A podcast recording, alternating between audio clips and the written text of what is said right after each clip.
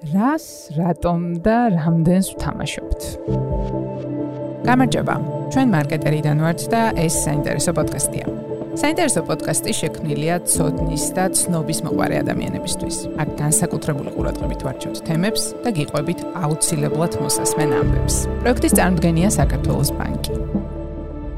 ერთ-ერთი ყველაზე შთამბეჭდავი მოგონება ჩემი ბავშვობიდან და ალბათ ბევრი სხვა მილენიალის ბავშვობიდანაც კონსოლ დენდისთან ინტერაქცია იყო. შემდეგ იყო Sega და ამის შემდეგ უკვე იყო შეხვედრა PlayStation-თან, რომლის სიყვარულიც დღემდე გრძელდება ჩემს ცხოვრებაში. გეიმინგის ისტორია 1950 წლებიდან იწყება, როცა ფიზიკოსმა უილიამ ჰიგაბოუთემმა პირველი ვიდეო თამაში ტენისი გამოიგონა. ეს თამაში აღიარებულ იქნა როგორც პირველი ვიდეო თამაში. მას შემდეგ თამაშებმა გრძელი გზა გაიარა ევოლუციისკენ. 1978-ში გამოვიდა Space Invaders, პაკმენი იაპონიიდან ჩავიდა ამერიკის შეერთებულ შტატებში, Nintendo-მ სამყაროს მოავლინა Mario. ამ ყველაფერზე საუბრისას გვახსენდება ალბათ ის გრაფიკა, რომელიც იმ პერიოდისთვის თუ დავფიქრდებით, ძალიანაც გასაოცარი იყო და დამაკმაყოფილებელი. თუმცა დღევანდელ ხარისხს თუ შევადარებთ, მივხვდებით, რა მხელა განვითარება გაიარა ამ სამყარომ, რომლის თანამონაწილეებიც ჩვენც ვართ. გეიმინგის რომანტიზება ძალიან ხარისხიანად შემიძლია, თუმცა მისი სასარგებლო მხარეების მიუხედავად არსებობს დიდი გამოწვევები, რომლებიც უფროსებსაც გვაქვს, ბავშვებსაც და კიდევ უფრო მეტად უფროსებს ბავშვებთან. დღეს პროგრამის და გეიმერ და არა მხოლოდ უჩაბაშიძეს გავესაუბრებით, რას თამაშობს, რატომ თამაშობს და რა სარგებელს ხედავს ამ ყველაფერში ზოგადად. მის გასაოცარ შვილს უილიამს ვკითხავთ, როგორ აღიქვამს ამ ინდუსტრიას და სამყაროს და როგორ შეიმუშავა დისციპლინა ისე რომ იმეცადინოს კიდეც და ითამაშოს კიდეც და ეს ყველაფერი ჰარმონიულად იყოს შერწყმული ერთმანეთთან და ასევე მელანია ჩარგაზია, ბავშვთა და მოზარდთა ფსიქოთერაპევტი კლინიკა Mental Hub-დან გვეტყვის რა ბენეფიტები და ზიანი მოაქვს გეიმინგს ბავშვებისთვის და როგორ უნდა მოიქცნენ მშობლები იმისთვის რომ გეიმინგი სახლში პრობლემა არ იყოს. გამარჯობა ყველას. უჩასთან მინდა რომ პირველი კითხვა დავსვა. რამდენი წელია რაც თამაშობ უჩა და პირველად რა ითამაშე თუ გახსოვს? ესე იგი 91-ში ვითამაშე პირველად ალბათ. მე რო დავიბადე. ის იყო მე დეიდა ჩემის სამსახურში მოიტანეს პირველი 286 PC. აჰა. და ლოტუსი თუ რაღაცა ძალიან ძველი ავტო სიმულატორი არ ქვია რავი ორდეში რომ მანქანით დადიოდი რა. და ანუ მახსოვს რომ აი რა 2 საათი გაქრა ჩემი ცხოვრებიდან აი თამაშობდი და მე შეგიწოვა ხო და პირველ ანუ წარმოუდგენელი რაღაცა იყო მაშინ. ეგ რა იფიქრე რა იგრძენი იცი რა ძალიან პატარა ვიყავი ეხლა ეგეთი ბებერიც არა 7 წლის ვიყავი თუ რაღაცა დადიდათ არ მახსოვს. მახსოვს რომ აღბრთოვანებული ვიყავი იმ შესაძლებლობით რომ რაღაცას აკეთებ. ოღონ არაფერს არ აფუჭ ანუ მანქანას ატარებ და მანქანას არ არ აფუჭებ რა და მაშინ მეჩვენებოდა რომ ეკრანზე გამოსახულებაც გახსოვს ხო როგორი? კი და მე მე მე გადმომიწერე და მით ანუ ნუ საშსაო საშინელება ხო ანუ იმ მომენტში მაგას რა თქმა უნდა ვერ ხვდები. ხო ანუ ტელეფონში რო ეგეთი თამაში გაიჩიტოს ისიც კი შეგწყვე ანუ ძალიან ცუდი ხარისხის იყო. ყველაფერი ფიზიკაც არ ვარგო და გრაფიკაც არ ვარგო და არაფერი არ ვარგო და მაგრამ გრაფიკაზე მე შევამჩნიე რომ აი რეტროსპექტივაში რო გავხედოთ ადრე რას ვთამაშობდით ის დღეს ძალიან სასაცილოდ გამოიყურება, მაგრამ ძალიან კარგად მახსოვს ის ემოციურად, რომ იმ მომენტისთვის ეს რაღაც საოცარი გრაფიკა იყო. ხო, მაგას უძახი, რომ გრაფიკას იმაში იმხელა მშობაო, არა აქვს, რამ ხელსაც გეიმერები დღეს ანიჭებენ, იმიტომ რომ აი რაღაც დაზომების ამ მანქანა რო დიდი უნდა იყოს და მეტი საზომი რო არიციან გრაფიკის, თორე რეალობაში ტვინი ბევრად თავარი თამაში არის ფანტაზიის გახსნის, აი როგორც როგორც კინოში მთავარი არ არის ეფექტები, სინამდვილეში ყველაზე კაი კინოები არ არის მაინდა-მაინც რასაც ეფექტი, ეგეთივე მომენტია, რომ თამაში თუ კარგია, სიუჟეტი. ხო, სიუჟეტი ან შე, ხო, აი ეგ მართალი ხარ. ეგ არის მთავარი. კაი, დღეს რა ჟანრის თამაშებს თამაშობ? და რა, აი რა რითი არჩევ თამაშებს? ხა რაც თქვი ალბათ იმის ის რო გავაგრძელოთ. ეხლა ვილიამთან ვლაპარაკობდი რომ მაგაზე რომ დღეს ეგეთი მიმიარსებობს რა, რომ мама რო შვილი ეონება мамას რო აი მე რო გავიზდებიო, ბევრი ფული მექნებაო და ყველა თამაშებს ვიყიდიო და мама პასუხობს რომ ხო ყველას იყიდიო, რომ დრო აღარ გიქნება. ანუ სინამდვილე არის იმაში, რომ ვერ ყველა თამაში ნაყიდი მაქვს, ბავშვობაში რაც მომწონდა ახლები, კარგები, ვისაც რამე არ რეკლამა და ვერ აძლევს შენ თავს უფლებას რომ დაждე და კვირაში 20-სა ხო რა და ამიტომ ციგნებივით. ამიტომ თამაშობ ან რაღაცას რაც მოკლე არის და მალე შეიძლება მორჩეს და გამოეთიშო ანუ რამდენადაც აი ხა ფსიქოლოგს გამოადგება ეს სატოპკეთ, რომ თამაშების უმეტესობა განსაკუთრებით იმ თაობისთვის, რომელიცაც კომპიუტერული თამაშები იყო ხელმიუწვდომელი რაღაცა და უნიკალური, არის ძალიან ნარკოტიკი. კი. და ამ ნარკოტიკთან ჩვენმა თაობამ ეს გავაკეთეთ, რომ ვისწავლეთ მუშაობა, როგორ გამოეთიშო ნარკოტიკს. თორე ყველა ხვდებით რომ მე რო რაღაც RPG-ს თამაშ ვიწყებ, ვეღარაფერი და ამიტომ არ თამაშობ. ანუ მომწონს, როგორც კი RPG-ს თამაშ ვიწყებ და როგორც კი გძნობ რომ თამაში შევდივარ, მიჩნდება დანაშაულის გზნობა, რომ აი ეხა მე ვეღარ დრო. ხო, ხო. რეალურ სამყაროს. ამიტომ რას თამაშობ სულ? აა, რავი, League of Legends თამაშობ დღეში ერთ ხელს, სპეციალურად მეტს არ. Online? ხო, ხო, ხო, ძირითადად სხვა twin ჭადრაკი გევასება რა სხვა twin-ებთან თამაში. და არა ანუ შენთვის რაღაც დისციპლინა შეიმუშავე ხო? დღეში რამდენი დრო შეიძლება რომ თამაში სხვანაირად ვერ ანუ სხვანაირად შეიძლება რომ შეგიწოვოს და ანუ უქნია და დამიკარგავს ბევრი დრო და მიგწნია აქ ჩემ თავზე და ამიტომ ვკითხულობ. რა სარგებლობა მოაქვს თამაში შენთვის შენი აზრით. ო, აი აი გრძელი თემა. მოდი ჯერ მე და მე მე ძალიან ბევრს კაი, მელანიას მელანიას ვკითხოთ მაშინ ესეთი რამ, რომ რა სარგებელი მოაქვს კომპიუტერულ თამაშებს ადამიანებისთვის და ბავშვებისთვის ზოგადად და რა საფრთხეები არსებობს ამ ინდუსტრიაში. დადებითი და უარყოფითი მხარეები. ხო, ну, დადებითი მხარეებიც ბევრია და უარყოფითიც, ხო? ანუ ყველაფერი შეფარდებითია ამ შემთხვევაში და ჩვენს ფსიქოლოგებიც ხშირად ვამბობთ, ხო, რომ გააჩნია შემთხვევას, ხო, ესეთი ფრაზა გვაქვს. ესეთი ამოჩემებული ესეც შეიძლება ვთქვათ, რომ გააჩნია რა დროს, რა ასაკში, რა ტიპის თამაში იქნება, ხო? ეხლა თანამედროვეობაში ძალიან ბევრი განმავითარებელი თამაშებია, რომლებიც ინტერაქციულიც არის, მშობელი შეიძლება იყოს ჩართული, თან გვერდზე ეჭდეს და თან ერთად განიხილავდნენ იმას, რაც იქ ხდება. ანუ კონტროლის ქვეშაც არის კონტენტიც, შინაარსიც, თან კოგნიტურ განვითარებას უწყობს ხელს. და თან ეხმარება ამ შობელსაც, რომ რაღაცნაირად ახალი ფორმით დაამყაროს ურთიერთობა ბავშვთან, ხო, რა თქმა უნდა, თუმცა ეს უმეტესად არის, აი ადრინდელ ასაკში, ხო, სკოლამდელ ასაკში, სკოლის ადრინდელ ასაკში.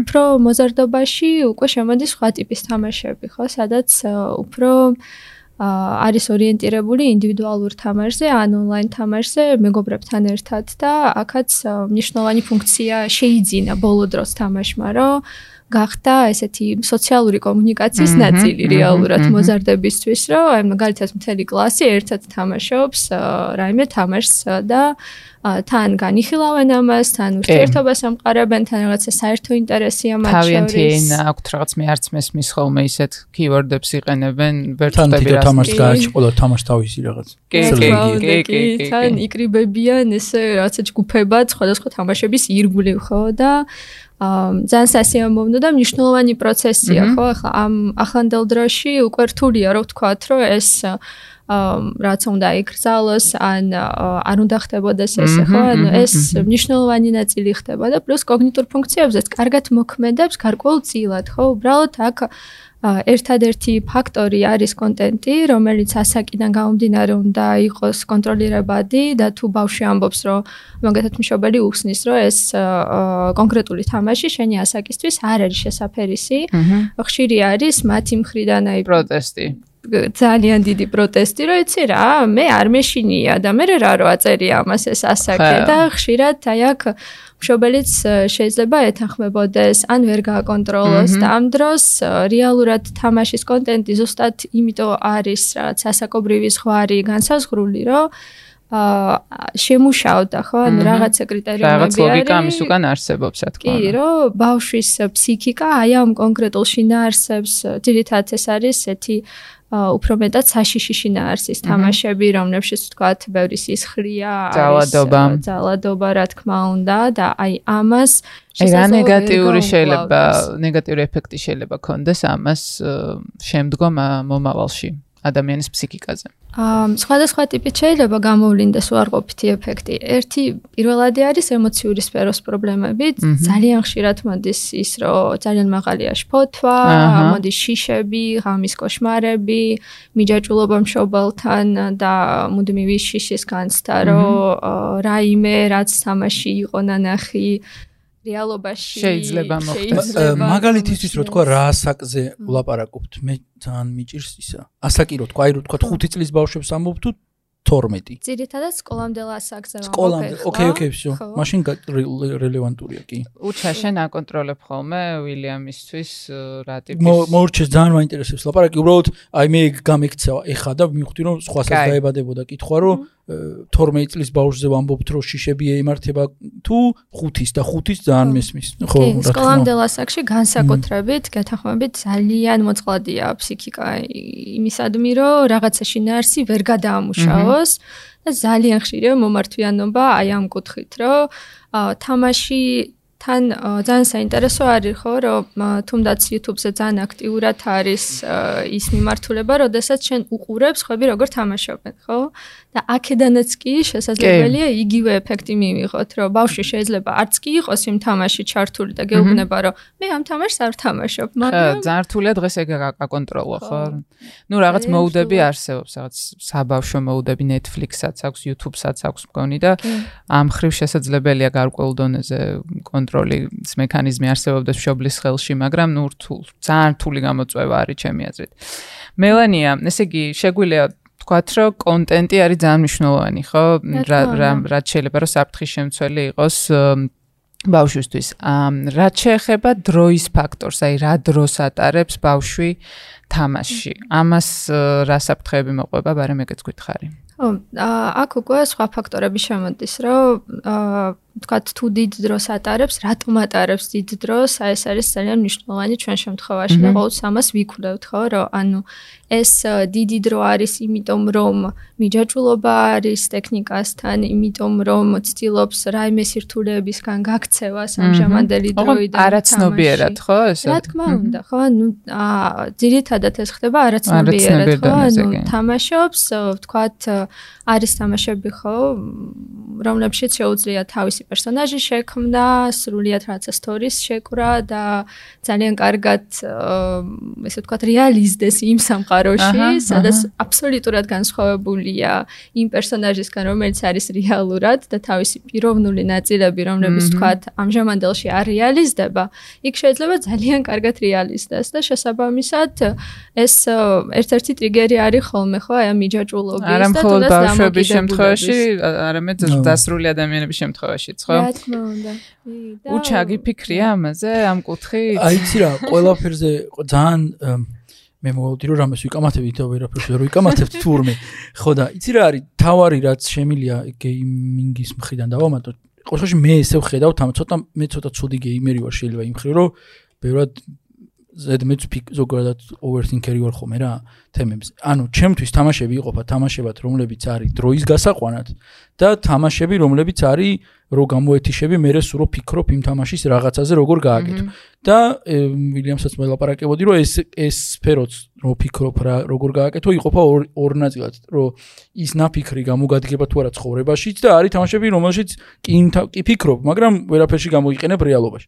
ხო და მელანიას უნდა დავეთანხმო იმაზე, რომ აი თამაშები, რომლებიც დროის გასაყვანი არის, აი რავი, რეფლექსივი თამაში, რომლებიც არ არის საფიქრალი და ამას ადამიანები აღიარებენ, რომ აი იმისთვის თამაშობ, რომ ერთობი უბრალოდ. იცი რა, ერთობი იმითიც RPG-ებითაც, არა, აი სიტყვა სიტყვა დროის გაყვანას როცა აი ადამიანს ცოტა რომ მიაწვა, აი რატო თამაშობ ამას, აი როგორ რატო ერთობი, რა მხიარულია, კარხასიაზე და ის გონება რომ რავი, დრო გამყავს რა, აი რაღაც ძალიან მარტივი ლოგიკა რო აქვს. თამაშს და ფიქრი რო არ ჭირდება ჯამში ხო და და დაკვირვება. ხო ვითომ აი ვისვენებ ან რაღაცას გეტყვის მაგრამ ჯამში თელი დღე რო და ეგეთი ადამიანები ჩემთვისაც ეს არის რომ ადამიანი რომელიც მაგას თამაშობს ხშირად ეხა თითოჯერ ყოველთვის ვინც ხშირად თამაშობს ეს არის დიაგნოზი რომ ადამიანს რაღაც ცუდად აქვს რაღაცას ვერ ცulis ცხოვრებაში და ცდილობს გაი ანუ გან გაიყვან დრო გაიყვანოს. რომ თითქოს ბევრი დრო გაქვს ცხოვრებაში და უნდა გავიდეს აი ეს ზის და დებილივი იდებილებს თავს თავის.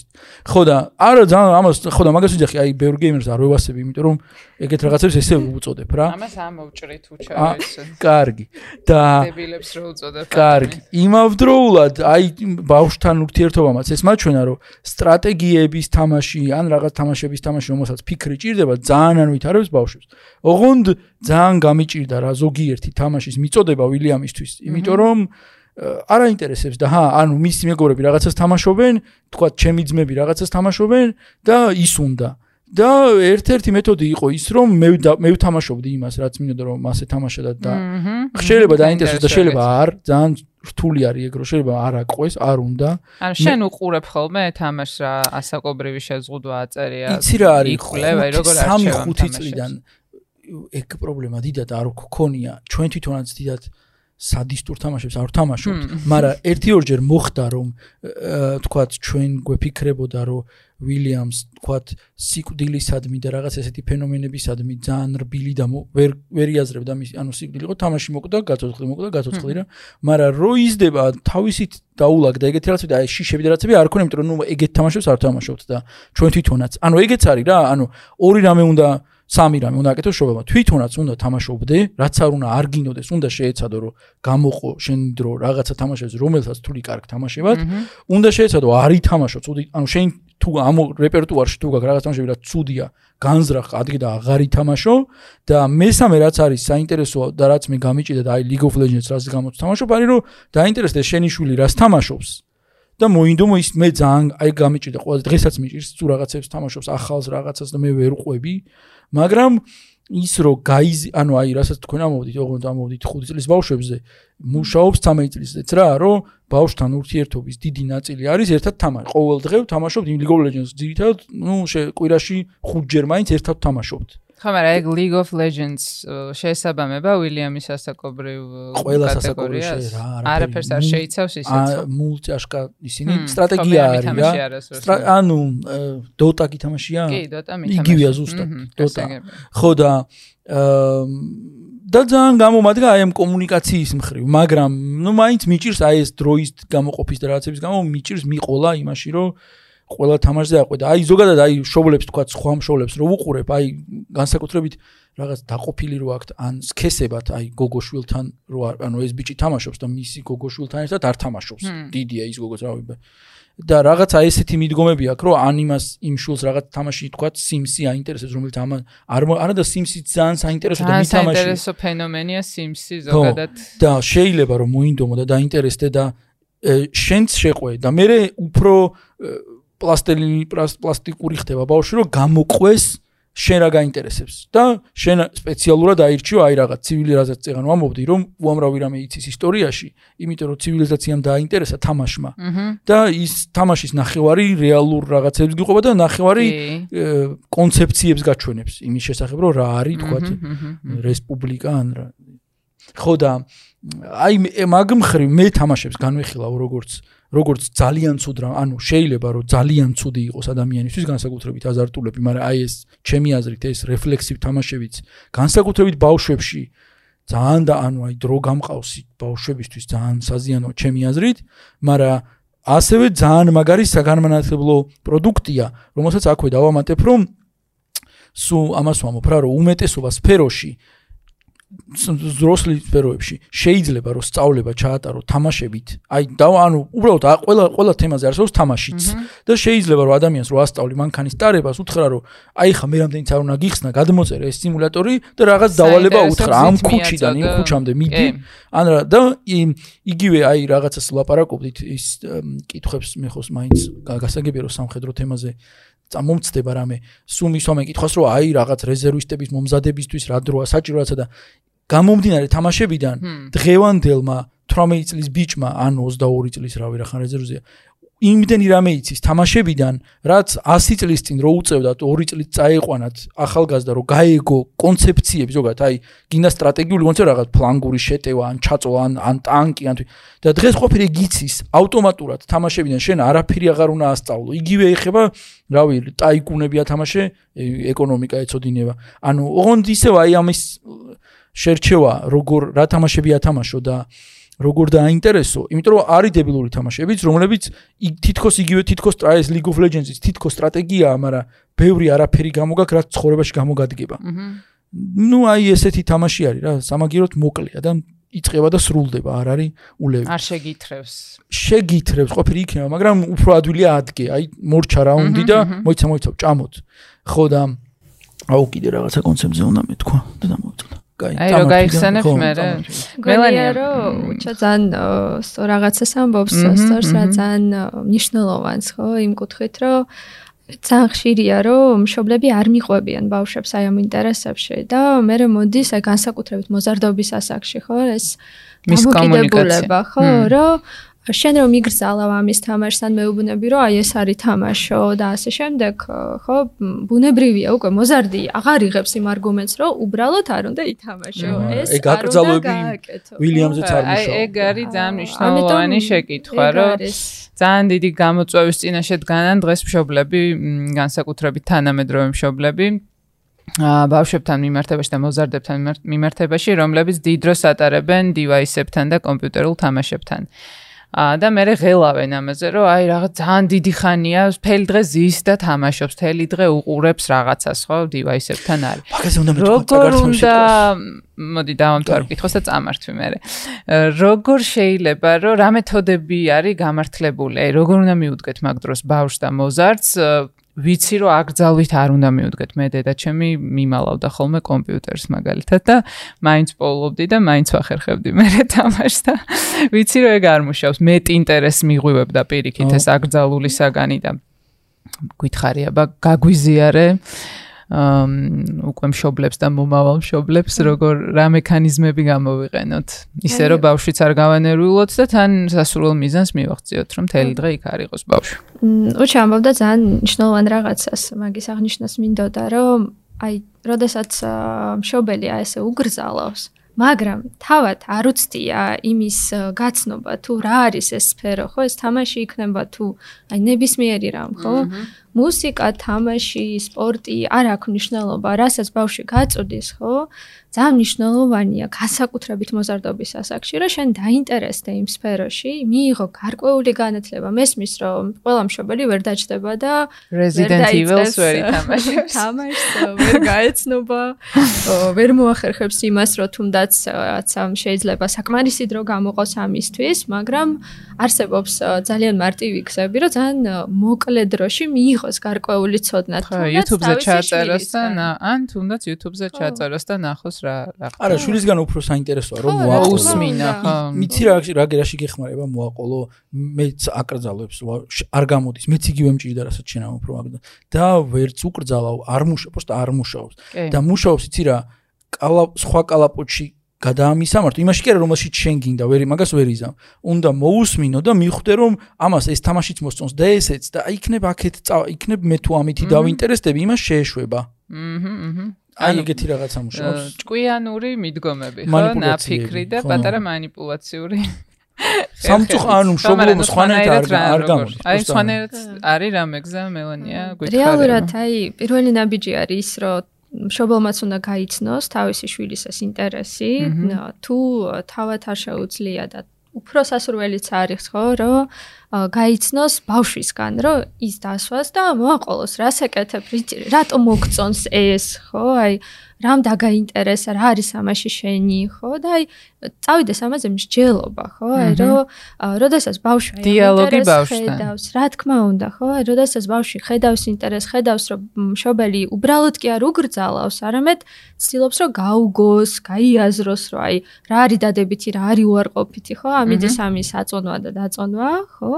აქ უკვე უკვე ჩნდება იმის ნაბერწკალი, რომ შეგიძლიათ რომ მეტი კონტროლი შეიტანოთ თამაში. რა თქმა უნდა, ხო? აი მაგალითად გაგიზიარათ რაღაცა თამაში, რომელსაც თამაშობს და თქვენ იცით, რომ მაგალითად რაუნდი, ანუ თქვათ 1 გრძელდება 20 წუთი. ამიტომ, როდესაც შედიხართ ოთახში და ხედავთ რაუნდი ახალი დაწყებულია და ეუბნებით, რომ გამორთე ეხლავე. ეხლავე გამორთე, ეს არის წარმოუდგენელი. ამიტომ ხო, უნდა შესთავაზოთ, რომ აი ვიცი, რომ 1 წუთი დამთავრდება.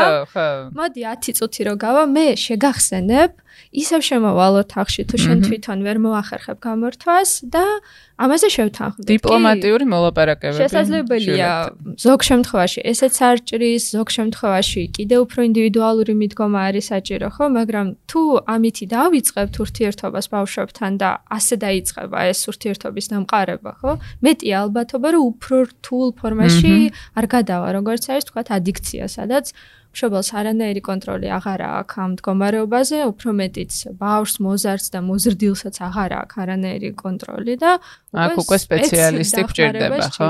აი, ბარემ მაგასაც კითხავ, რომ ის ინდიკატორი მთავარი რა არის? ადიქციად კვალიფიცირება როგორი ქცევის შეგვიძლია? რამ რამდენი საათი უნდა იჭდეს ბავშვი ან როგორ უნდა გამოხატავდეს ამას, რომ მივხვდეთ, რომ აქ უკვე საქმე შორს წასულია და გჭირდება სპეციალისტის დახმარება. ხო, ну, აა ბოლო პერიოდში დაიწყეს იმაზე ფიქრი, რომ საერთოდ ეს თამაშებზე დამოკიდებულება ცალკე ტიპის დარღვევად გამოიტანონ, თუმცა ჯერ არ არის ეს ჩამოყალიბებული ეს კრიტერიუმები ბოლომდე, თუმცა მიახლოებით ესეთია, რომ აა როდესაც წყვეტს კომუნიკაციას თანატოლებთან, ოჯახის წევრებთან იმ დოზით, რომ ეს უკვე შემაშფოთებელია და მშობელი ამას ატყობს, მეგობრები ამას ატყობენ, აღარ უნდა საერთოდ საერთოდ იმ ადგილის დატოვება, სადაც არის მაგალითად კომპიუტერი ან PlayStation-ი და მუდმივად იქ იმყოფება, უჭირს იმის განსაზღვრა, რომ თუნდაც უნდა მოუაროს თავს, ხო, გიგიენის დაცვა, ზიანდება, ზიანდება ჯანმრთელობა, ხო, თქვა შეიძლება ესე გადააბას თამაში, რომ ვიწროვდება, ხო? ინტერესის არეალი. აბსოლუტურად შევიწროებულია და ვთქვათ, მასთან საუბარიც კი ხდება რთული, იმიტომ რომ მხოლოდ თამაშების თემა მაგალითად არის ის, რაზეც შეიძლება გამოიყოლია საუბარში და ამაზე ელაპარაკო. თუმცა ეს სხვა რაღაცები უკვე ფერმკრთალდება ნელ-ნელა, ან შესაძლებელია საერთოდაც წაიშალოს. ხდება აგრესიული, როდესაც მიუთითებენ იმაზე, რომ უნდა შეწყვიტოს თამაში, რომ მაგალითად დღე და ღამის აღრევა ხო ძილის დარღვევა მოდის, ყვებითი დარღვევა შეიძლება იყოს, ხო წონასთან დაკავშირებული პრობლემები. ანუ ბევრი კრიტერიუმი შეიძლება იყოს, თუმცა ნუ ის ვიცით, რომ თუ რთულია მოწყვეტა, თუ ძალიან დიდ დროს ატარებს, ძალიან დიდი დრო არის 6 საათი და მეტი და შესაძლებელია უფრო მცირე ხანიც თუ ეს არის მისი ერთადერთი თავისუფალი დრო და მთლიანად უთმობს ამას, და თუ მისი აი ზოგადი ცხოვრების ხარისხი, როდესაც ეცემა. უარესდება. რა თქმა უნდა, ხო, როდესაც უკვე ბავშვი აღარ აღარ არსებობს იმ ფორმით, რა ფორმითაც შესაძლებელია, თუნდაც სოციუმში, თუნდაც ოჯახის პირობებში, ხო? უჩა, ეს დისციპლინა ახსენეთ, თვით დისციპლინა გეიმინგთან მიმართებაში, როგორ გამოიმუშავე? ანუ როგორ გაქვს, აი როგორ უდგები, რომ თავისუფალი დრო მაქვს და შემიძლია ვითამაშო თუ დღეში 1 საათი მაქვს თუ აი როგორ არეგულირებ მაგას? იცი რა არის და დისციპლინის გამომუშავებაში დამეხმარა ცუდი გამოცდილება საკუთარი და სხვების ყურება, მიხვედრაში რომ ესე არ შეიძლება. ანუ ქონდა ეს რაღაც პრობლემა ხო? ხო, არის რაღაც 21 სამ თუ რაღაცა 1 წელი World of Warcraft რო გამოვიდა. აჰა. საი ანუ ცხოვრება გავიფუჭე ის ერთი წელი. მართლა ანუ აი ყველა თან ვერავინ ვერაფერს ამიგძალავდა ხო? და პროგრამისტობდი სახლიდან ცოტ-ცოტას რაღაც საშუალება მქონა ფული და всё ანუ არაფერი მეტი ანუ და ეგ გამოსება რამდენადაც დადებითი იყო როგორც თამაშის ისე ძალიან ცუდი იყო რაღაც მომენტში პროსტე ხვდები რომ რაში დავხარჯე ერთი წელი რა და და ჩამოშორდი თან სოციალურ ცხოვრებას ხო არა სოციალურ ცხოვრება მაინც არის ეს ამ კონდა ეგ ეგ ერთ-ერთი რასაც რაც ამ საუკუნე მოიტანა ის არის რომ დისტანცირების გამო და იმის გამო რომ ტელეფონები და ყველაფერი არსებობს სოციალური ცხოვრება ყოველას ძალიან თავისებურად აქვს როგორც უნდა და ამიტომ იცი რა არის ერთი კითხვა რაც გქონდა არის რომ თუ ბავშვი სხვა ბავშვებთან ერთად თამაშობს აი ვილიამი ძირითადად თამაშობს ონლაინ თამაშობს და ძირითადად სხვასთან ერთად ამიტომ კიდევ უფრო ნაკლებ პრობლემათ აღიქვა. აი რავი, რავი, კლასებთან და თამაშობს თელი დღე ლაპარაკობენ, რაღაცას ლაპარაკობენ, თამაშობენ, თამაშობენ, სხვა თამაშს თამაშობენ მე ერთთან. ხო და რაღაცად ისე აღიქვა რა, რავი, ეს არის მათი ურთიერთობა. მით უმეტეს როცა შენ შულთან ერთად თამაშობ, შენ თვითონაც შენ წხუდები, რომ ყველაფერზე ასწრებ დალაპარაკებას იქ თამაშის დროს. და ბევრად უგადესად იცნობ ადამიანს და რა რა მნიშვნელობა, ნუ ახლა ვერი თამაშობ მე ფეხბურთს კლასებთან, ყველა თავის სოფელშია. და ამიტომ პრობლემა არ არის. ერთ-ერთი ადიქციაზე დაუბრუნდე კაი და მე და მოკლედ რაღაც მომენტში აი ეხა დღეს ცხოვრებაში რამდენჯერმე რო აი სამსახურიდან რო გაგაგდებენ მე იწებ დალაგებას რომ რაღაც და მე იწებ დაჭერა შენი თავის როგორ ხდები ჩათრეული. და მე რა აი ეს ეს კარგად რაც ძალიან მიკლავს თამაშის სიამოვნებას არის ეს დანაშაულის გზნობა 1 საათის მერე დანაშაულის გზნობა რო გაქვს რა რო რას ვაკეთებ? რაში დავხარჯე დრო?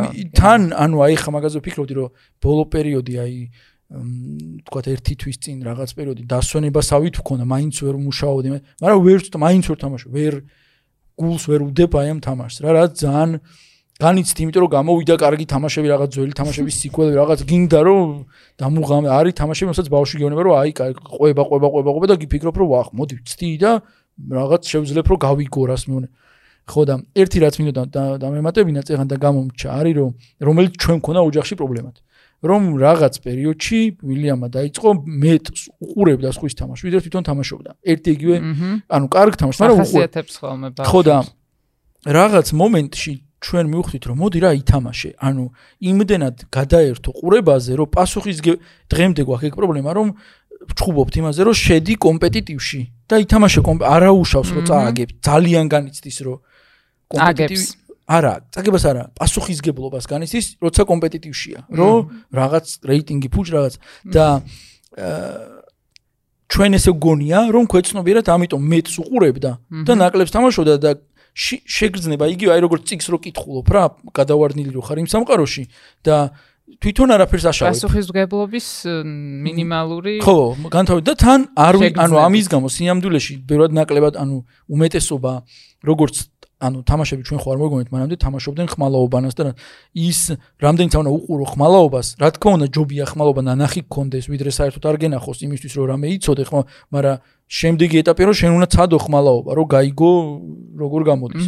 ხო და ამიტომ მელანია გვიპასუხე ამ კითხვაზე რამდენ სწორად მიაგნო მიზეს უჩამ რატო უყურებდა ვილიამის ხვის თამაშს და ხო არ იყოს ხო ეგრეა რომ როდესაც უყურებენ უფრო მარტივია ხო აი წაგების ფაქტორი აღარ არის არის ის რომ ხშირად უყურებენ იმას ვინც მოსწონთ როგორ თამაშობს ან ესეც წარმატებულია და პოპულარული ეგეთ ვიდეოები YouTube-ზე ყო მე არასდროს არ ვაკეთებ მაგას და არც მესმის რატო შეიძლება მომინდეს სხვისი თამაშის ყურება. მე მაქსიმუმ სასწაულად გადახოვებით რომ რაღაც სკილები გავიგო რაკეთებ. ხო, გაიგო რა საკეთებს ისეც არ შენ არიცი, მაგრამ არა ის რომ მოდი სხვის თამაშს დავждები და უყურებ პირიქით, სულ მე მინდება ხოლმე თამაში.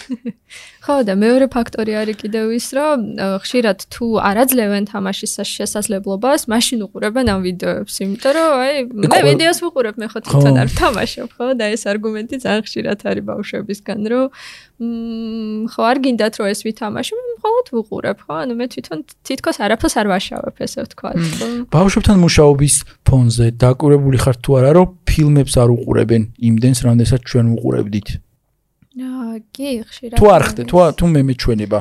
არა, ხშირად არის უფრო მეტად ხანგრძლივი ვიდეოები, ანუ აი ნებისყოფა თითქოს უფრო რთულია რომ კონცენტრაცია ხო კონცენტრაცია დიდხანს ერთ რამეზე ერთ რამეზე ხშირად არის ეს უკვე ჩვენც გვიჭირს არა ხო მაგრამ походу ამათ რო თამაშობენ იმდენად გართობილები არიან და რო ფილმს რო ურთავ ისე მოსაბეზრებელია მათთვის ეს საათნახევარი რატომ აი სერიალების ტრენდსაც რო დავაკვირდეთ ცოტა გადაუხვეთ მაგრამ აა სერიალებშიც ეს მინი სერიებია ჩემთვის მაგალითად ეხა ყველაზე კომფორტული მინი სერიებია იმიტომ რომ ბევრი დრო არ მაქვს სამწუხაროდ რომ ფილმებს უყურო ყოველდღიურად. მინი სერიებისთვის რაღაც დროს მაინც ძილის წინან გაღვიძების ეს ყოველთვის გამოვნახავ და კმაყოფილი ვარ იმით რომ ლეგენდზე ჩემთვის. ვივსებ იმ პანჯარას ხო ალბათ მანდაც ეგ არის რომ ხა იმ ხელ არჩევანი აქვს უკვე დღეს ბავშვებს რა შეიძლება აკეთონ თავისუფალ დროს რომ ალბათ რთულია რომ ფილმებზე კონცენტრირდნენ. ეს პრობლემაა ანუ აი თავისუფალი დროის მხოლოდ თამაშებით, კომპიუტერული თამაშებით და რაც YouTube ვიდეოებით შევსება, რამდენად პრობლემაა და აი ეს ძველი old school აქტივობები ბავშვების ეზოში თამაში, არ ვიცი ფეხბურთის თამაში, წრეში ბურთის თამაში, ჩანაცვლა თუ არა დღეს აი ამ აქტივობებით და პრობლემა არის თუ არა, რომ ეს ესე მოხდა. იმიტომ რომ აი უჩამაც ხო თქვა, რომ მე აღარ მე პრობლემებია, იმიტომ რომ ისინი ერთმანეთთან ერთად თამაშობენ კლასელები, ერთმანეთს ეკონტაქტებიან და პარალელურად სხვა რაღაცებს რაღაცებზეც ლაპარაკობენ, ხო? რა ერთგვარი პლატფორმა გახდა მათი საკომუნიკაციო. ხო, social media არის, ხო და რამე საფრთხე შეიცავს ეს? გაჩნია ასაკს. ადრეულ ასაკში ძალიან დიდი საფრთხეა, იმიტომ რომ თუ ბავშვი არის მიჯაჭვული ტექნიკასთან, ის ასაკია, როდესაც ჩვენ გვინდა არ გვინდა რომ მოსაუკუნეშიც არ უნდა ვიყოთ, ადრეულ ასაკში ყველაფერს სწავლობთ კომუნიკაციით. მე თუ არავინ არ დამელაპარაკა, მე საუბარსაც არ დავიწყებ, თუ არავინ არ გამეთამაშა მოტორულ უნარებსაც კარგად ვერ განვავითარებ, ხო, კოგნიტურ უნარებსაც, ხო, იმიტომ რომ მე ეგ ასაკი სად მთავრდება? ხო, აი მაგათაც 3 წლამდე ძალიან მნიშვნელოვანია, რომ გაჯეტებზე მიჯაჭვულობა არ იყოს და მაქსიმალურად მშობელი ახლობელი იყოს ჩართული ფიზიკურადაც ხო ბავშვებთან თამაშით რომ შეიგრძნონ ხო ის სამყარო რომელშიც ახლახანს აღმოჩნდნენ, იმიტომ რომ სხვა შემთხვევაში შეიძლება სენსორული დარღვევაც კი გამოვლინდეს, ხო, როდესაც ბავშვი არ ეხება არაფერს, ხო, ეხა თამაში ტალახში გამახსენდა, რომ, რა ვიცი, ბავშვობაში რომ დავტყლაპუნობდით სადღაცა, ძალიან მნიშვნელოვანი იყო, იმიტომ რომ შეიგრძნობ იმ სამყაროს, რომელშიც ხარ და ძალიან კარგ გრაუნდინგს აკეთებს ეს ტრენდი, ხო? თუ ფეხები მიდგას მიწაზე, შეიძლება ბევრად უფრო მეტი შინაგანი სიმყარეც კი შევიგრძნო, ხო, რაღაცა მომენტებში. კონტაქტი სამყაროსთან. რა თქმა უნდა, სამყაროსთან სხვა ადამიან ადამიანებთან, როდესაც იზრდება ბავშვი, შეიძლება უკვე აი ამ კონკრეტული თამაშების მეტად გამრავალფეროვნება, ხო, როგორც ჩვენ თქვა, ხო, აი რომ თქვათ უფრო დიდასაკში, როგორც მისი შვილია, ხო 13-ის არის. შეიძლება ეს უკვე რაღაცა სოციალური ქსელი იყოს, რომელშიც ბავშვი ჩართულია და ერთად თამაშობენ, ცვლიან ინფორმაციას და ასე შემდეგ, მაგრამ აა ეს არ უნდა იყოს გადამეტებული დოზით, ხო? უნდა იყოს დოზირებული, რომ ზოგჯერ ესე ვთამაშობთ, ზოგჯერ მაგათად ფეხბურთს თამაშობთ, ფეხბურთსაც ვთამაშობთ ერთად. მოკლედ ბალანსი მანდაც, ხო? რა თქმა უნდა, აუცილებელია, იმიტომ რომ სხვა შემთხვევაში აი ეს სოციალური უნარები, ის რომ პირისპირ ურთიერთობა დამყარდეს, ესეც დროთა განმავლობაში შეიძლება ცოტა და დაქვეითდეს, ხო? ანუ გართულდეს, იმიტომ რომ უჩაგე პრობლემება შენე. ის რა არის, მე რასაც ვაკვირდები, ყოველთვის ამ მასში და მის მეგობრებში არის რომ რამდენადაც ჩვენ ანუ ჩვენ ერთი თაობა არ ვართ, მაგრამ დაახლოებით მაინც ერთი მოდგმა გვაქვს რომ არ იყო კომპიუტერი და კომპიუტერი იყო რაღაც და ამათი თაობისთვის კომპიუტერი არის სულ მობილური არსებობა სულ და ისეთი მანიაკებიც არ არიან ჩვენოვი ანუ ვილიამს პრობლემა არ აქვს რომ არასოდეს არ გვაქვს. აი ეგონთ ეგ უნდა გაუგო რა, უნდა მორჩება რა უნდა და მე ადექი всё და არ არის პრობლემა. ანუ ეგ შეთანხმებები გააქვს. თავისთავად. და ასევე არც ის არ არის პრობლემა რომ აი თუ ეზოში ბავშვები არიან და შეახსენებ რომ ეგ ბავშვები არიან, ჩავა ითამაშებს დაავიწყდება კომპიუტერი 6 საათში ამოვა რაღაცა, მაგრამ არ არის ეგ ის ბავშვებიც იქ არიან უმეტესობას არაფერი ანუ იმდენად დიდია მათ ცხოვრებაში გარანტირებულობა რომ კომპიუტერი, ტელეფონი ყველაფერი აქვთ და თუ აი ესე რაღაც მაგიდაზე ბრახუნით არ უკრძალავ და როცა მათთვის აი როცა გძნობ რომ აი ახალი თამაში გამოწერა და უნდა რომ ითამაშოს აცადე ითამაშოს რა და ამის გამო არ ყავს წნეხში, მე თვითონაც ისეა რა, რო რავი, ხო, ნუ თუ არაფერი საქმე არ არის, ვითამაშებ და თუ რამე საქმე არის, გავა. მithumetes ეხა როცა სკოლა და რაღაცა არის, იქ სკოლაზე მე ეს რაღაც სპორტი რაღაცა და არც ისე გაწუხებს. ერთი რჩევა მომაფიქრდა, როცა მელანი ლაპარაკობდა, რომ აი თუ მშობლებს უჭირთ რომ თვითონ დაინტერესდნენ თამაშით, ჩემმა ოჯახმა გააკეთა ეგ თავისით ეგ აღმოჩენა, რომ ჩემი ძმები თამაშობენ ბევრად მეც ვიდრე მე. და ყოველთვის არის ოჯახში ვიღაც ვინც თამაშობს, მოიძემ შორეული და შეერთად არ ცხოვრობ, მაგრამ ბიძა რა. რომ იმ ბიძას შეუძლია თხოვოს ოჯახმა, რომ რაღაცებს თამაშობს და მოდი დაინტერესდი და და ის რო დაინტერესდება და ის რო შემოვა ამ პროცესში და გამართავს რო ეტყვის, რომ აუ მოდი ეგ კი არ ვითამაშოთ, მოდი დღეს ვითამაშოთ ეს. და ბავშვისთვის ისეთი მნიშვნელოვანია, რომ ვა ბიძა ჩემთან ერთად ვითამაშებ, ოკეი, ეგ ვითამაშებ. და იგივენაირად შეუძლია, ანუ რამდენადაც თქვა მშობელს უჭირს და არასოდეს უთამაშე და რა ვქნა ეხლა აი არ. შეიძლება ჩართო სხვა ოჯახის რომლითაც იმისთვისაც ბიძასთვისაც ძალიან საინტერესო პროცესია და კომუნიკაცია რომელიც ისე არავის არ აქვს. და ბავშვისთვისაც მნიშვნელოვანია რომ აი უფროსთან ერთად მე იქ რაღაც შეიძლება ბოლო-ბოლო იმ ბიძამ თავის ძმას გააგებინოს რომ წამო ბიჭო ბატლფილდს თამაშობთ და გასწავლით. და ესეც არაერთხელ მოხდა რომ ვილიამმა მასწავლა რას თამაშობთ და მათ შორის ბევრი ის ქონა პრეტენზიები რომ ესე ნუ მიხსნი ესე ნუ შვები და ბევრი რამე ისწავლა ცხოვრებისეული იმითი რომ ცუდად მასწავლიდა.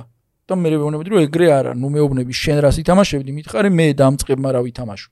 მოკლედ თელი ურთიერთობა ხო თამაშები შეიძლება გადააქციო. ძალიან მნიშვნელოვან მედიად რომელთაც ყველა ბავშვი ისწავლის და შეიძლება აი თუ ჩემთვის ესეა თუ მეგობარი ან ბავშვი ვიღაცა.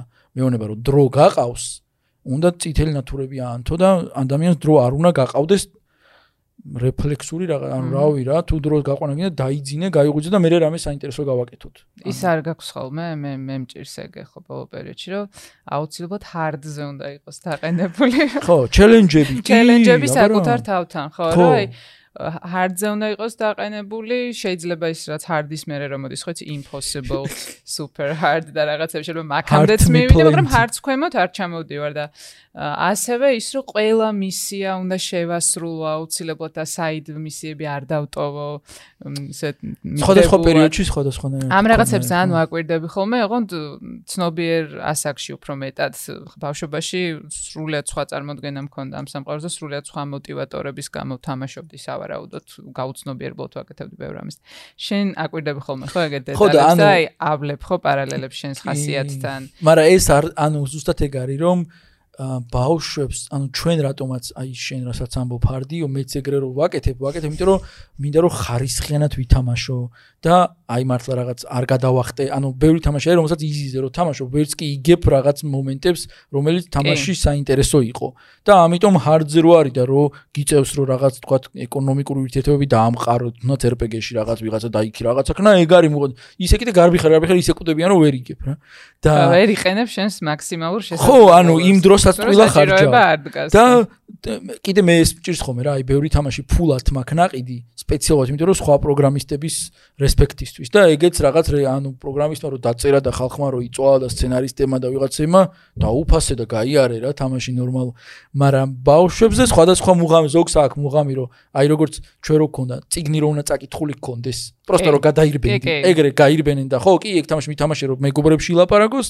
აკაც არის ეგეთი. ხო, მე ძირითადად ჩემგან და ჩემი ძმებისგან დააკოპირა ვილიამ აეგრო ძირითადად ბოლო 10 წელია მულტიპლეიერებს თამაშობ ცუ ანუ კომპიუტერთან თამაშის მუღამი ძალიან ცოტა აი ხა რაღაცებს თამაშობენ ხოლმე მაგრამ იქაც მულტიპლეიერი იმაშია რომ კოუპი ერთად რო თამაშობ და ამიტომ ეგეთი ჰარდი არა ჰარდი ნაკლი ნუ არა როგორ არა ეგეც არის ხოლმე და აი ეგეც ისევ შენ უნდა ანუ ან ან ან ბიძამ ან ვიღაცამ დეიდამ უნდა ქნას რომ იმან უნდა უთხრას რომ აუ მე სუჰარზე ვთამაშობ ძალიან მისწორდება და ამითი ბავშვიც იმაშობა რომ აა მოდი მეც ჰარზე ვთამაშობ. ანუ ხო ვილიამს ძალიან გაუმართლა რომ გეიმერი მამა ყავს მაგრამ ალბათ ბევრად რთულია როცა ინტერესები სხვადასხვა არის ხოლმე მშობელს და შვილს შორის და ძალიან კარგია ხა რომ ჩვენ აი მე ვიდეოებს არ ვუყურებ და ესე კონფლიქტები ეგ მეც ძალიან მაინტერესებს. აი ჩემთვის რომ ჩემი მშობლები მარაზმატიკები არიან და იმათვის რომ შობლები მაგრამ ეგრევე არის რომ ალბათ მეც მარაზმატიკი ვარ რომ ვერ ეხაც რასაც ვლაპარაკობ რომ რას ქვია ვიდეოებს არ უყურებ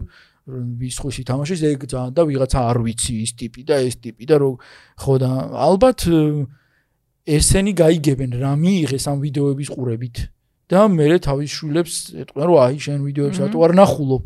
და ის კიდე იტყვის რომ მე რაღაცა სხვა ანუ რაღაცები არის მაინც რაც არ გვესმის ახალთაობასთან ბოლომდე ვერ უგებთ ერთმანეთს. მელანია ოჯახი რო ახსენა უჩამ ესეთი კითხვა მომაფიქრდა რომ გენეტიკური ხო არ არის რაღაც კუთხით ეს გეიმინგის სიყვარული და თუნდაც ადიქცია ამ სფეროში.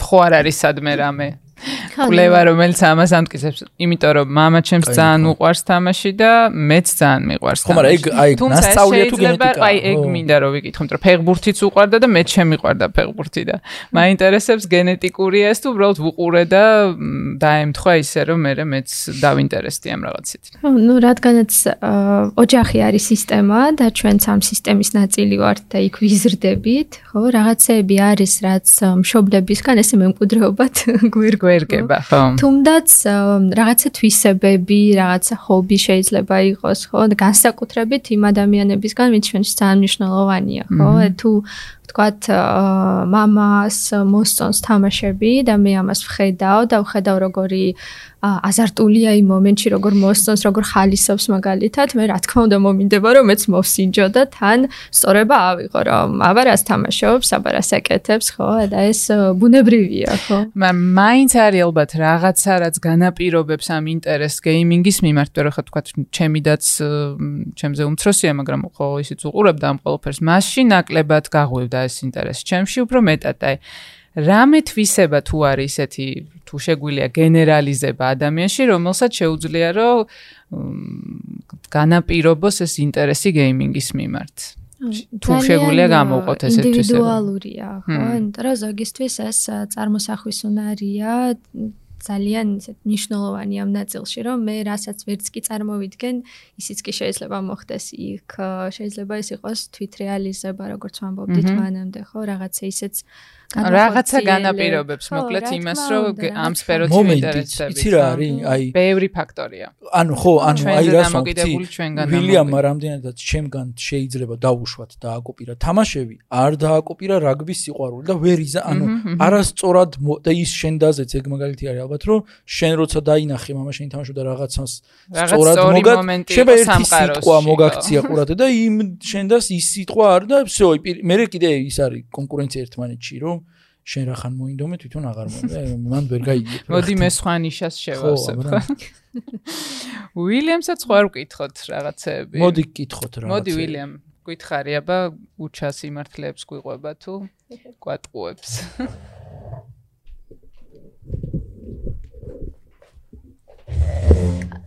უილიამ რატო თამაშობ? აა კარგი. ნუ რამ რატო თამაშობ შენი აზრით? რა მოგწონს თამაში? მე ჩემთვის თამაში მოდის, ну, ორი სხვადასხვა რაღაცა არის. პირველი არის რა თქმა უნდა, რაზეც ილაპარაკეთ მაგალითად სოციალური ასპექტები, რომ მეგობრებთან შემიძლია ვითამაშო, იმიტომ რომ აი მაგალითად მე თითქმის მთელი ზაფხული ვიყავი სოფელში და ჩემთვის ძალიან დიდი რაღაცა არის, რომ შემიძლია ჩემს საუკეთესო მეგობარს რაღაცა თამაში, რაც არ უნდა იყოს, რაღაცა რომ შემიძლია ვეთამაშო, როდესაც ანუ ის არის თბილისში და მე ვარ კახეთში. ეგ არის და კიდევ რადგანაც გასართობად არის რაღაცები შემიძლია ვისწავლო და ერთ-ერთი რაღაცა რაზეც ნუ ეცადეთ რომ გაგემახვილებინათ ყურადღება, მაგრამ დიდად არ გაამახვილეთ ხო? რა გამოგრჩა, აბა გითხარ. ის ფაქტი რომ უჩამ ახსენა ერთი მომენტით, მაგრამ როგორ ძალიან შეიძლება რომ ჰობიები და რაღაცეები ჩამოყალიბდეს თამაშებიდან, იმიტომ რომ ერთ-ერთი ჩემი საყვარელი თამაში საერთოდ არის უბრალოდ მეორე მსოფლიო ომის სიმულატორი, რამაც დამაინტერესა მთლიანად ისტორიაში. და ეგეთი სტრატეგიული თამაშები. უჩამ ახსენა ეგ კი. დიახ და ჩემი აზრით მაგის იმპაქტი ძალიან დიდი არის და მაგის გამო რას თამაშობს ადამიანი ბევრს შეიძლება ნიშნავდეს იმაზე თუ მე რას და რითი დაინტერესდება ხო? დიახ, მაგალითად, ანუ უჩა რადგანაც პროგრამისტი არის, მეც ვარ დაინტერესებული პროგრამირებაში და უჩა ბევრს ლაპარაკობდა იმაზე, რომ თვითონ რადგანაც პროგრამისტი არის, უფრო მეტი შეხება აქვს თამაშებთან. ხო. და უფრო მეტის თქმა შეუძლია, მაგრამ ბევრი რაღაცა უფრო რთული არის სხვა მშობელისთვის, რომელსაც ახლა არ აქვს ამ ყველაფერთან შეხება, ხო? ხო, და ანუ მაგიტო ვთქვი, რომ შენ გაგიმართლა ძალიან, რომ უჩასნაირი მამა გქონდეს. მით უმეტესთან ორი ბიძა მყავს, რომელიც სულ რაღაცეებს თამაშობენ. თელ ოჯახში. ხო, ხო და ერთ-ერთი რაღაცა, რაც ძალიან საინტერესო იყო, არის გამახვილეთ ამაზე ყურადღება, რომ ადამ რომ ჩვენ მაგალითად აი მე ვუყურებთ ხოლმე ვიდეოებს და ამაზე ორ ადგილას გაამახვილეთ, მაგრამ ზუსტად ვერ ანუ როდესაც ვიდეოს უყურებს სხვა ადამიანი რომ თამაშობს, ისეთი რაღაცა არის რომ აი ორი რაღაცა არის. პირველი, შეგიძლია რომ იცოდე თამაშზე ისე რომ თლად არ უნდა ითამაშო, ბოლომდე არ უნდა იყოს კონცენტრაცია, ანუ ვთქვათ puzzle game, რომელშიც რაღაცა, მაგალითად პორტალი. პორტალი არის ერთ-ერთი ყველაზე ცნობილი puzzle game, როდესაც უყურებ ვიდეოს, არ არის საჭირო რომ შენ ამოხსნა ის პორტალები და რაღაცა, მაგრამ რადგანაც ვიდეოს უყურე, აწი შეგიძლია მეგობრებთან და საერთოდ სოციალ მედიაში ილაპარაკო რაღაცა გლადოსზე. იცი, რადგანაც ვიდეოს უყურე. ხო. და ანუ ეს დამატებით ინფორმაციას გაძლევს. დამატებით ინფორმაციას გაძლევს და კულტურაში ერევი. და მაგალითად ერთ-ერთი რაღაცა, რაც აღმოჩნდა ჩემთვის მაგალითად, ის ფაქტი იყო, რომ უჩამ ახსენა, რომ უბრალოდ თამაშებს ყიდულობს, რადგანაც შეუძლია და რომ დაეხმაროს ვინც გააკეთა, იმიტომ რომ იმუშავა რა თქმა უნდა ბევრი და ჩემთვის მაგალითად ისეთი ფაქტი, რომ თამაშები ну ფული ღირს და როდესაც რაღაცა თამაში არის რომელიც მაგალითად უჩამ შეიძლება მიყიდოს მაგრამ ჩემს კლასელს შეიძლება რომ ვერ იყიდის ძალიან ისეთი რაღაცა არის, რომ ვიდეოს როდესაც უყურებ, შეგიძლია თამაშზე გაიგე ისე, რომ არ არის საჭირო რომ იყიდო. ხო, ანუ ვისაც არ შეუძლია ამ თამაშის ყიდვა, შეუძლია ჩართოს და უყუროს. კი, მაგალითად, მე არა. თუმცა ეს მაინც ბოლომდე ვერ დაგიკმაყოფილებს, ხო? მისურვილს თამაშის. ნუ, ბოლომდე ვერ დაგიკმაყოფილებს, მაგრამ იმდენად დაგიკმაყოფილებს, რომ ამაზე თლად მაგდენს არ ინერვიულებ. აჰა, გასაგებია. მაგალითად, მე რო არა მაქვს PlayStation. კარგი პოინტია ეგ. მე რო არა მაქვს PlayStation-ი, მაგის გამო შეიძლება შეიძლება რომ ვუყურო ვიდეოებს თამაშებზე, რომელებიც არის PlayStation-ზე. და დაიკმაყოფილო ამით შენი მოთხოვნა. ხო, იმიტომ რომ მე ახლა მთლად არ მინდა რომ PlayStation-ზე ვითამაშო, არც მაქვს და რა ქვია, მაინც მინდა რომ ვიცოდე PlayStation-ზე, იმიტომ რომ ჩემს მეგობრებს. ხო, და სხვებთან, სხვებთან შეძლო თავის ფოტოაპარატი. მე მეგობრის სახლში როცა მივა. William აა რამდენი საათი შეგიძლია რომ დღეში ითამაშო? რაღაც წესები გააქვთ ხო თამაშებთან მიმართებაში, რომ უჩამ როგორც თქვა, რომ რაღაცა ერთი რაუნდი შეიძლება ითამაშოთ, ხო? მე უნდა იმეცადინო, აი როგორ არეგულირებ მაგ პროცესებს? ჩემთან რეგულირება ისე გააკეთეს, რომ რადგანაც ძირად აკრძალული არ მქონდა, ერთ-ერთი რაღაცა რაც აქ ძალიან ჩავინიშნე, რაც ჩემთვის საჭიროა, ის ფაქტი არის, რომ თუ ანუ კომპიუტერი უჩამახსენა, რომ თავის დროს იყო ექსკლუზიური. არ იყო ისეთი რაღაცა რაც სულ შეგეძრო. მით უმეტეს როდესაც გიკრძალავდნენ, სულ გინდოდა კომპიუტერი. მაგრამ ახლა რადგანაც დიდად არ არის ექსკლუზიური და ყოველთვის არის ვარიანტი. მაგის გამო ჩემთვის არ არის პრობლემა რომ სხვა რაღაცა გავაკეთო, იმიტომ რომ ანუ ჩემ რაც თქვა ეგრეა. ხო, ანუ სწორი არის და მაგის გამო მე როდესაც სახლში მოვიდოდი, დიდად წესი ის ფაქტი იყო რომ რაღაცა დროს დავიწყებდი, ან კი როდესაც მოვიდოდი, დავალებას გავაკეთებდი და მე მე აღარ ვნერვიულობდი. და რა ქვია არ იყო ისეთი პრობლემა რომ აუ სანამ რაღაცა დედა მოვა სახლში უნდა ვითამაშო და მე გავაკეთო დავალება. იმიტომ დაალაგებულია ეს ყველაფერი ხო? თუ არის რაღაცა 4 საათი თუ არის რაღაცა 4 საათი, მირჩევნია რომ 1 საათი ვიმეცადინო და მე 3 საათი ვითამაშო პრობლემების გარეშე, ვიდრე რომ 3 საათი ვითამაშო და მე ბოლო 1 საათი ვიმეცადინო. ოჩახ, მე მგონი ძალიან ჭკვიანური გადაწყვეტილება გაქვს მიღებული და ძალიან სწორად ამენეჯმენტებ ყველაფერს. შენი საყვარელი თამაში რომელია ეგეც გითხარი? აა, ჩემი საყვარელი თამაში ამ თამაშები. ნუ არის StarCraft 2, რომელიც არის ნუ სტრატეგიული თამაში არის. აა ძალიან მიდის იმ ფაქტში, რომ ძველი თამაშია სინამდვილეში. აი, მე ვიყავი 1 წლის, როდესაც გამოვიდა 2010-ში გამოვიდა. უჩას და ნუ შეიძლება თქვენს კი გქონდეთ ნათამაშები და ბევრს ვინც უსმენს აა StarCraft-ი პირველი ვერსია. კი, გამიგი, არ მითამაშია, მაგრამ ბევრი მსმენია. ნუ პოპულარული იყო და Blizzard-ი ძალიან დიდი კომპანია იყო, მით უმეტეს როდესაც ეგ გამოვიდა. Blizzard-ზე ბევრი მსმენია კი. ნუ ხო, ახლა არც ისე მეტი კარგი, მაგრამ ადრე ბევრი კარგი იყო, ხო და StarCraft 2 მე იმიტომ მომწონს, რომ ყველაზე ჩემთვის ყველაზე კარგი ვერსია არის სტრატეგიის, იმიტომ რომ სულ ვფიქრობ იმაზე თუ რა შემიძლია დამატებითი გავაკეთო. და აქვს არა ანუ single player-იც აქვს და აქვს ძალიან კარგი single player-ი, რის გამოც real time strategy-ში, ანუ არის turn based strategy, რომელიც არის სვლები და real time არის უბრალოდ ყოველ წამს რო რაღაცას აკეთებ.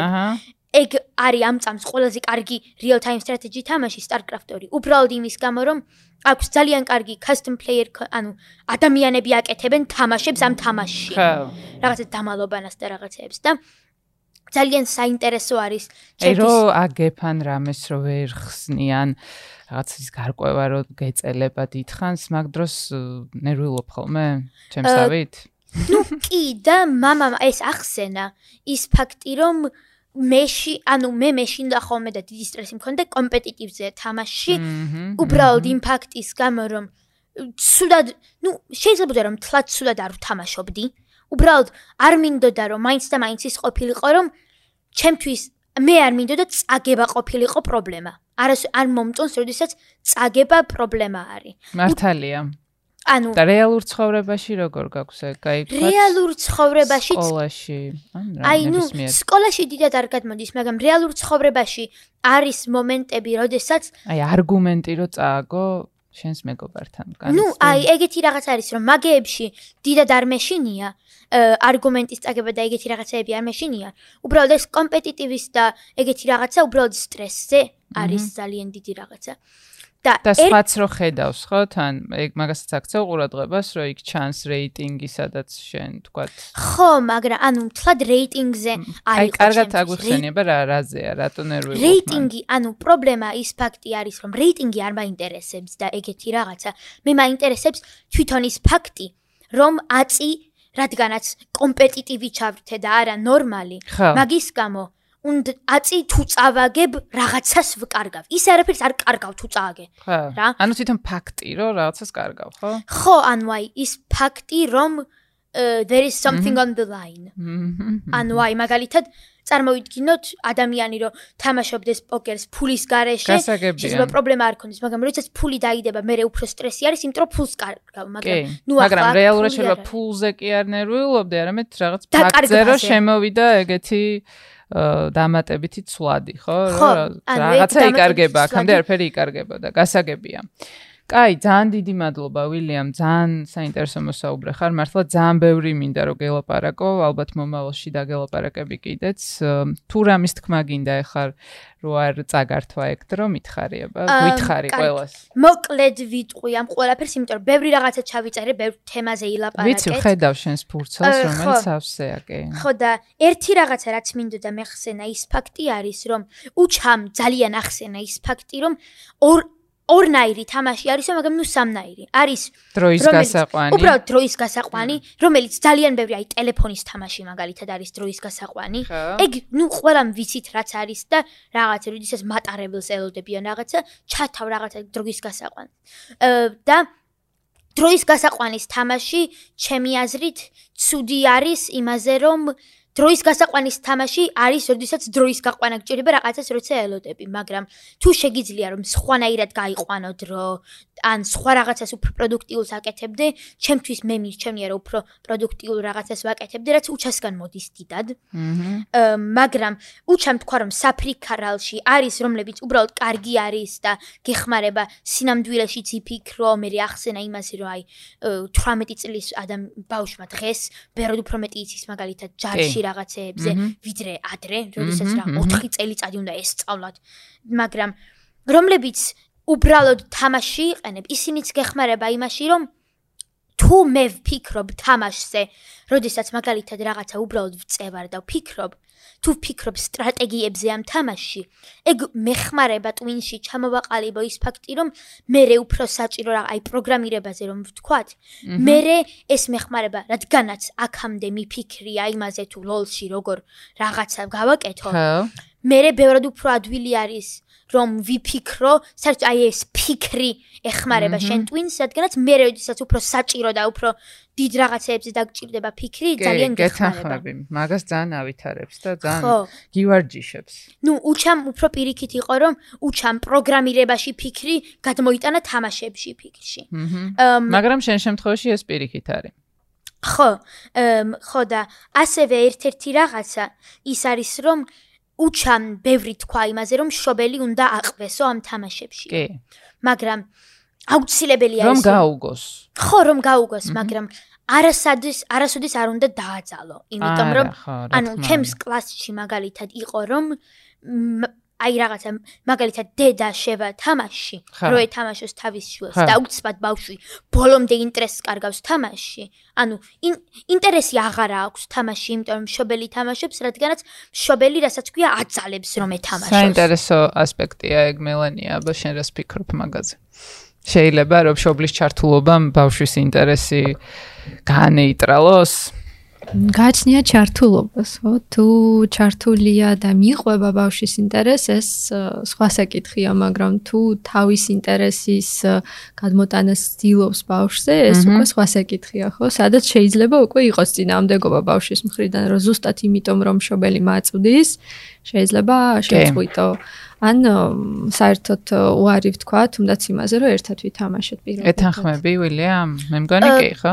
კი ვეთანხმები, აი მაგას ეგ არის აუცილებელი რომ დაიმახსოვრო მაინც რომ უნდა აყვე, მაგალითად მოსმენა მაგისთვის არის კარგი რომ ზუსტად გაიგო თვითონ ბავშვს რა მოსწონს და არა შენ რა მოგწონს და შენი სურვილები მოახვიო ბავშვს მერე თავს. ხო, ეგ აუცილებელი არის. მელანია, თუ ბავშვს აქვს ესეთი პრობლემა, ბევრ მშობელს არ აქვს ამაზე ინფორმაცია, რომ ამ პრობლემის თუ ეს პრობლემა თვალიფიცირდა რა თქმა უნდა.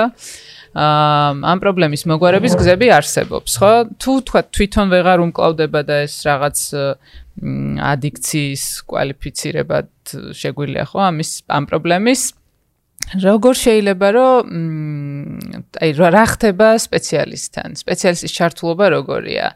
თერაპიები, თერაპიული სესიები ინიშნება თუ აი პროცესზე ორი სიტყვით რო გითხრა.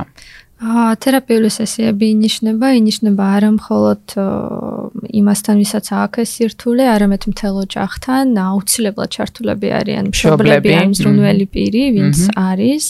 და თუ ძალიან ძიმე შემთხვევა არის, სადაც უკვე ემოციური სფერო არის ძალიან დაზიანებული, ზოგადი ფუნქციონირება და აა თქვათ რისხვის აფეთქებები არის, აგრესია და ასე შემდეგ, უკვე შესაძლოა ექიმ ფსიქიატრის ჩართულობაც კი იყოს საჭირო. ну რა თქმა უნდა. თუმცა ეს რაღაც საშიშად ჟღერს ხოლმე განსაკუთრებით შობლისთვის, მაგრამ რეალურად საერთოდ არ არის ხო ეს ასე პირიქით.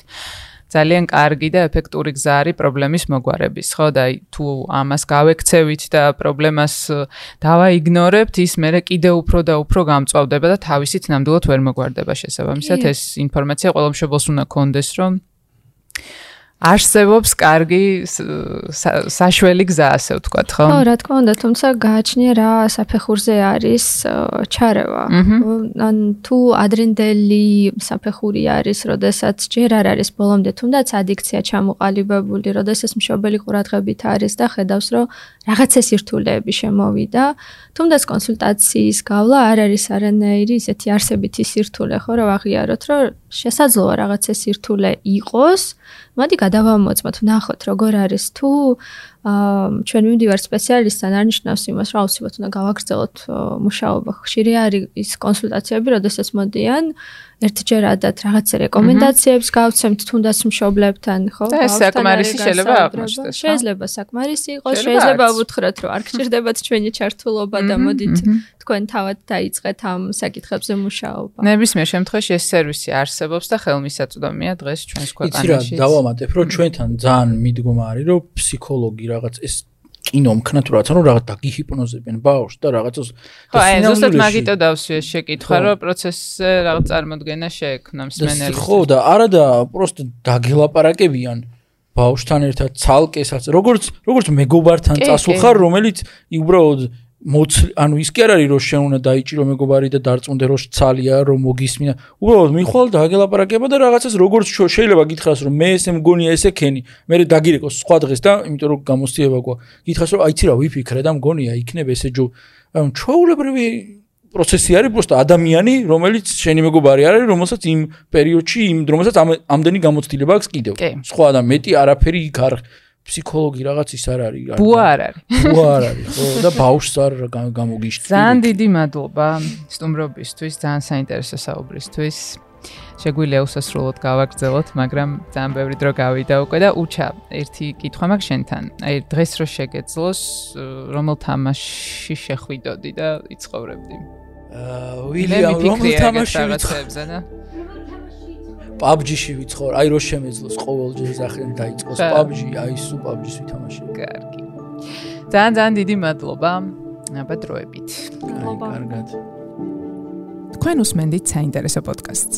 პროექტის წარმოდგენია საქართველოს ბანკი.